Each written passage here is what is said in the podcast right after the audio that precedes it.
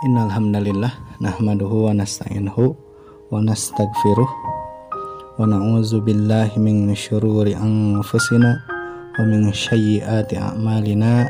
May yahdillah fala mudhillalah wa may yudlilhu fala hadiyalah Asyhadu an la ilaha illallah wahdahu la syarikalah wa asyhadu anna muhammadan abduhu wa rasuluhu alladzi la nabiyya wa la rasula ba'dah Alhamdulillah Allah subhanahu wa ta'ala mempertemukan kita dengan 10 hari pertama bulan Ramadan. 10 hari pertama berarti sudah sepertiga bulan Ramadan ini kita lewati. Dan sepertiga kedua akan segera kita jalani. Satu hal yang paling penting sudahkah 10 hari pertama Ramadan menjadikan kita hamba Allah yang lebih baik? Ataukah membuat kita menjadi hamba Allah yang lebih buruk? Karena ada orang-orang yang dengan saumnya dengan puasanya justru meningkatkan kesombongan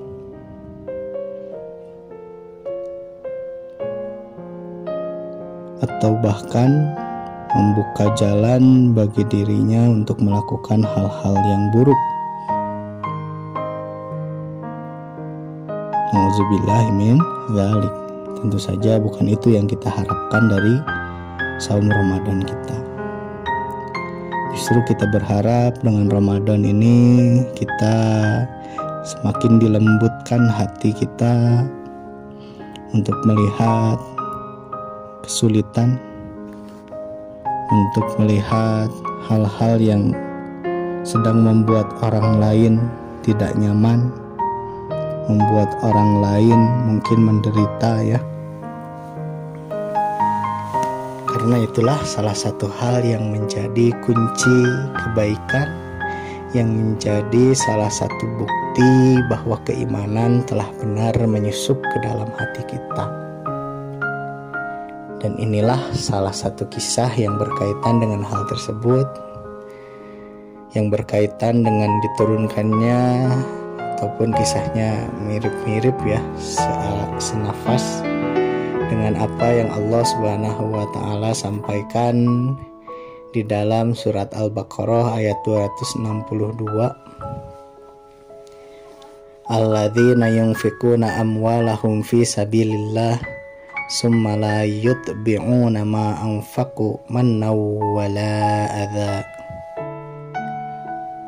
Lahum ajruhum inda rabbihim wala khaufun alaihim wala hum yahzanun. Dari ayat yang Bapak barusan bacakan anak-anak bisa juga baca di rumah ya untuk uh, sambil menghafal mungkin atau lebih ingin lebih tahu bagaimana bunyi dan bacaan ayatnya boleh dibuka ya Al-Qur'annya di rumah masing-masing Al-Baqarah 262 yang artinya kurang lebih seperti ini. Orang yang menginfakkan hartanya di jalan Allah kemudian ia tidak mengikuti tidak mengiringi infak itu kebaikan yang ia lakukan dengan cara menyebut-nyebut ya memamerkan kepada orang lain dan juga tidak dengan cara menyakiti perasaan orang yang menerima. Sambil meledek misalnya sambil dilempar misalnya. Nah untuk mereka inilah mereka akan memperoleh pahala di sisi Tuhan mereka Berarti kalau kita menginfakkan harta, kita bersedekah tapi sedekah kita dipamerkan, sedekah kita disebut-sebut, dibilang-bilang ke orang lain. Sedekah kita diikuti dengan hinaan kita kepada orang yang kita berikan sedekah dan infak. Berarti itu tidak akan diterima infak dan sedekah seperti itu tidak akan diterima di sisi Allah Subhanahu wa taala.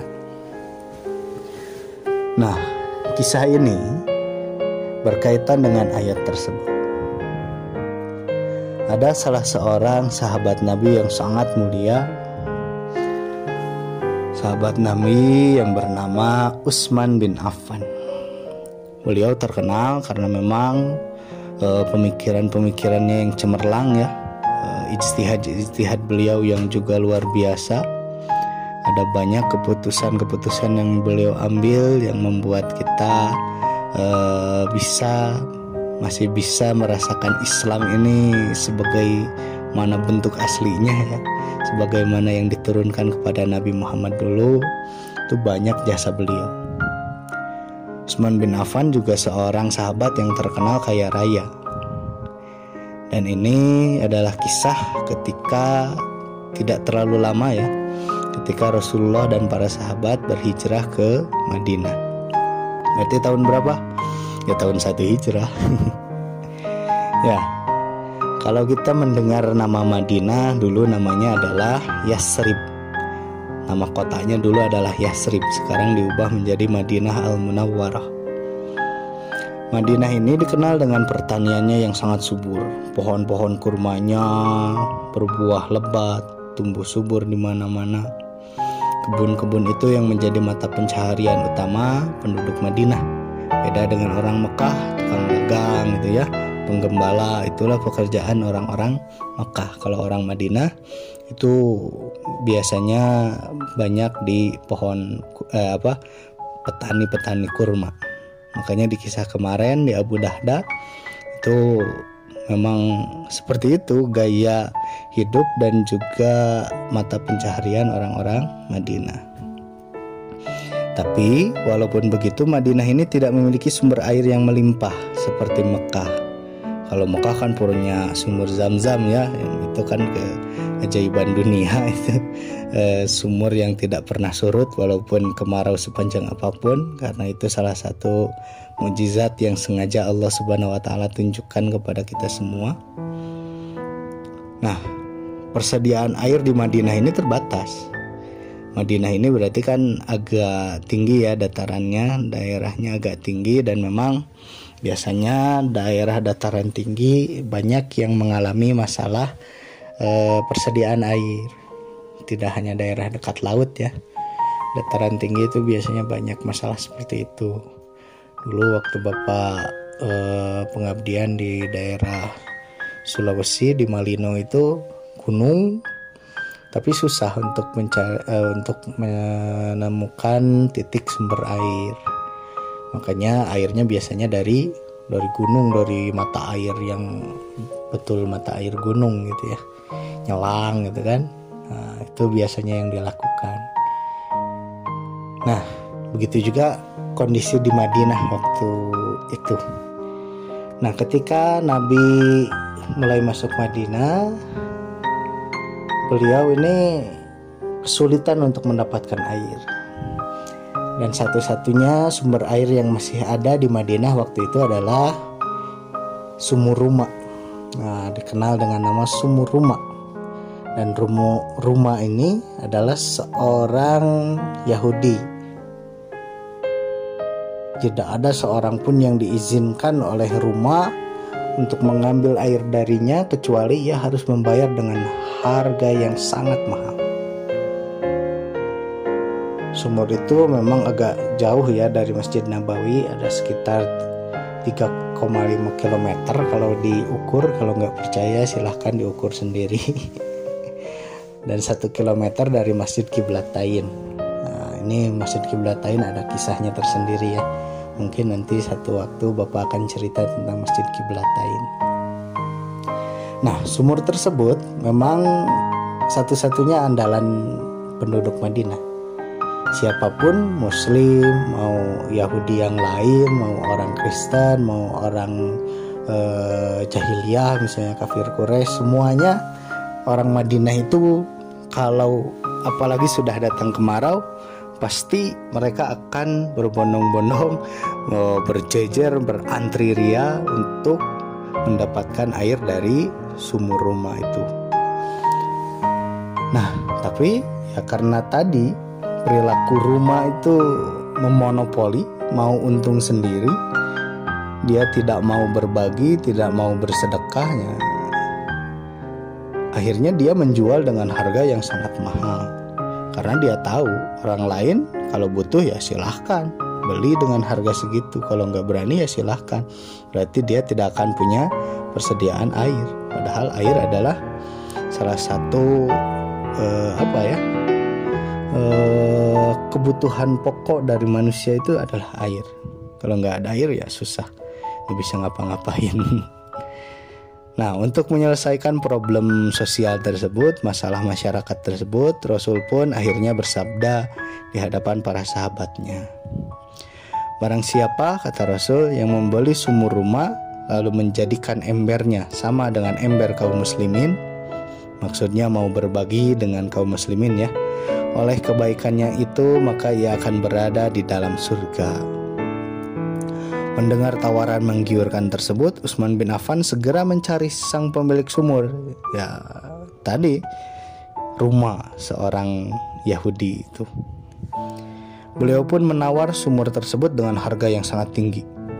Tapi rumah menolak. Ya jelas, kata rumah, wah kalau saya jual kan rugi. Iya saya dapat duit banyak sekarang, tapi besok e, lusa saya mau dapat uang dari mana? Penghasilan tetapnya kan dari sumur itu. Pikir rumah tadi ya. Ditambah lagi ini yang datang Utsman bin Affan, orang Mekah, orang Islam, sahabat Nabi, pembela Nabi yang sangat terkenal. Yang gak mau lah gengsi dia sebagai orang Yahudi untuk memberikan sumur miliknya, menjual sumur miliknya kepada Utsman bin Affan. Tapi karena kecerdasan Utsman bin Affan, ia tidak kehabisan akal.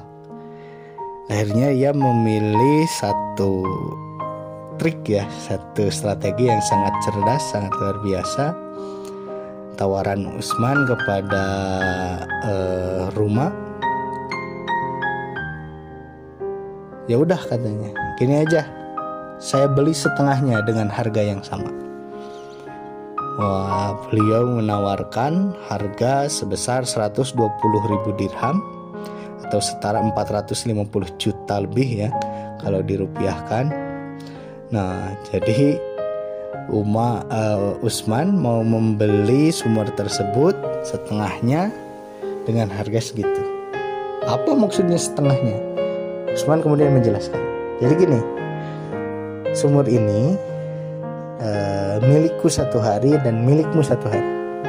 Diselang-selang jika saum Daud. Satu hari sumur ini milik Usman, besoknya sumur itu milik rumah besoknya lagi milik Usman lagi dan terus seperti itu. Wah, tapi ini ya mendengar tawaran yang begitu dahsyat ya, uang dapat kata rumah kan, sumur masih bisa dia miliki. Wah, ini kesempatan besar kata rumah. Rumah pun menyetujui, deal lah. Jadi sok dijual setengah nak. Oke, dia dapat uang 450 juta dan sumur itu masih miliknya sehari uh, apa sehari sehari selang sekar maksudnya nah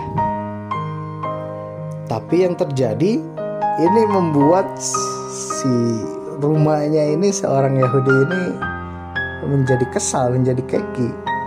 Karena apa yang dilakukan oleh Utsman bin Affan bukan seperti perkiraannya. Disangkanya Usman ini mau dagang juga air dari sumur tersebut tapi ternyata salah. Salah sangkaan rumah. Justru Usman berkata di hari kepemilikan beliau untuk sumur tersebut wahai penduduk Madinah kata Usman hari ini sumur ini milikku. Ambillah air sebanyak-banyak ya sebanyak-banyaknya. Aduh sebanyak-banyaknya. Sebanyak-banyaknya yang mencukupi hingga esok hari karena esok sumur ini milik rumah kembali. Seluruh penduduk Madinah gembira, mereka tidak perlu lagi mengeluarkan biaya besar demi memenuhi kebutuhan mereka untuk pengadaan air. Melihat hal tersebut tentu saja rumah mengeluh kepada Usman. Ya gimana bisa? Dia kan udah nggak bisa lagi dapat duit ini. Udah digratisin kok kemarin. Mana ada orang yang mau datang sekarang kan untuk beli dengan harga mahal. Nah, akhirnya ya rumah pun ngeluh ke Usman. Ia merasa haknya telah dirusak. Ia tidak bisa lagi menjual air tersebut. Akhirnya ia meminta supaya Usman membeli sumur tersebut secara penuh. Tentu saja dengan harga yang sama dengan pembayaran yang pertama. Berapa? Ada eh ayo siapa yang ingat? 450 juta lebih bahkan. Wah, berarti Usman Usman bin Affan membeli sumur tersebut dengan harga kisaran 900 juta lebih hampir saem. Ya, Inilah pengorbanan yang dilakukan oleh Utsman bin Affan, seorang saudagar kaya yang tidak lupa dengan sesama, yang tidak lupa dengan kesusahan kaumnya, kesusahan tetangganya, kesusahan orang-orang yang ada di Madinah waktu itu. Dan akhirnya apa? Berkat pengorbanan dan kedermawanan Utsman itu, terciptalah satu masyarakat yang tenang, satu masalah sosial berhasil dipecahkan. Ya, padahal itu masalah yang sangat besar untuk penduduk Madinah saat itu, apalagi untuk kaum muslimin yang banyak juga kan pengungsi yang dari Mekah, para muhajir. Nah, di sini dari kisah ini kita belajar bahwa memang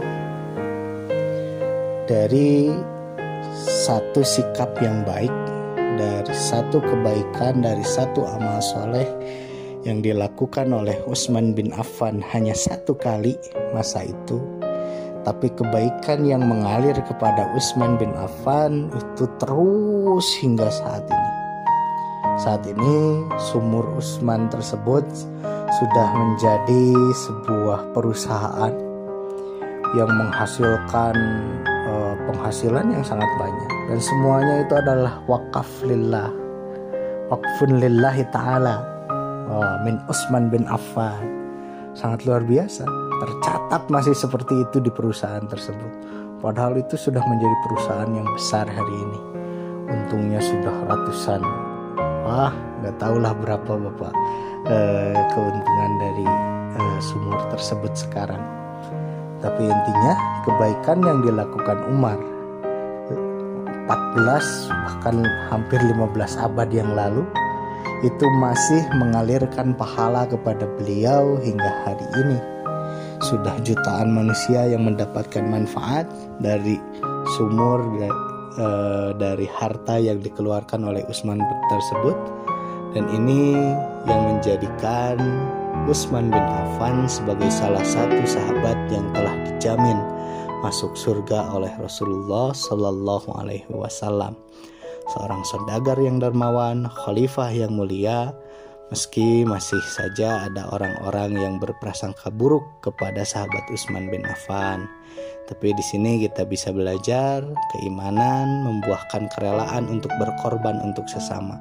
Kalau bukan dari keimanan, tentu saja Gak mau Usman mengeluarkan harta begitu banyak hanya untuk menyedekahkannya kepada orang lain. Tapi keimananlah yang membuat semua itu mungkin. Yang kedua, muslim yang baik ialah ia yang berusaha semaksimal mungkin demi membantu meringankan beban sesamanya. Kalau kalian satu hari nanti menjadi anak-anak yang sukses, punya penghasilan yang banyak, cobalah banyak melihat sekitar, cobalah banyak melihat ada masjid-masjid yang butuh bantuan, ada pesantren-pesantren yang butuh bantuan, ada sekolah-sekolah yang butuh bantuan, liriklah itu. Wakafkan harta kita di sana karena kebaikan kita akan terus mengalir. Selama tempat itu dimanfaatkan dengan kebaikan untuk kebaikan, pahala kita terus mengalir.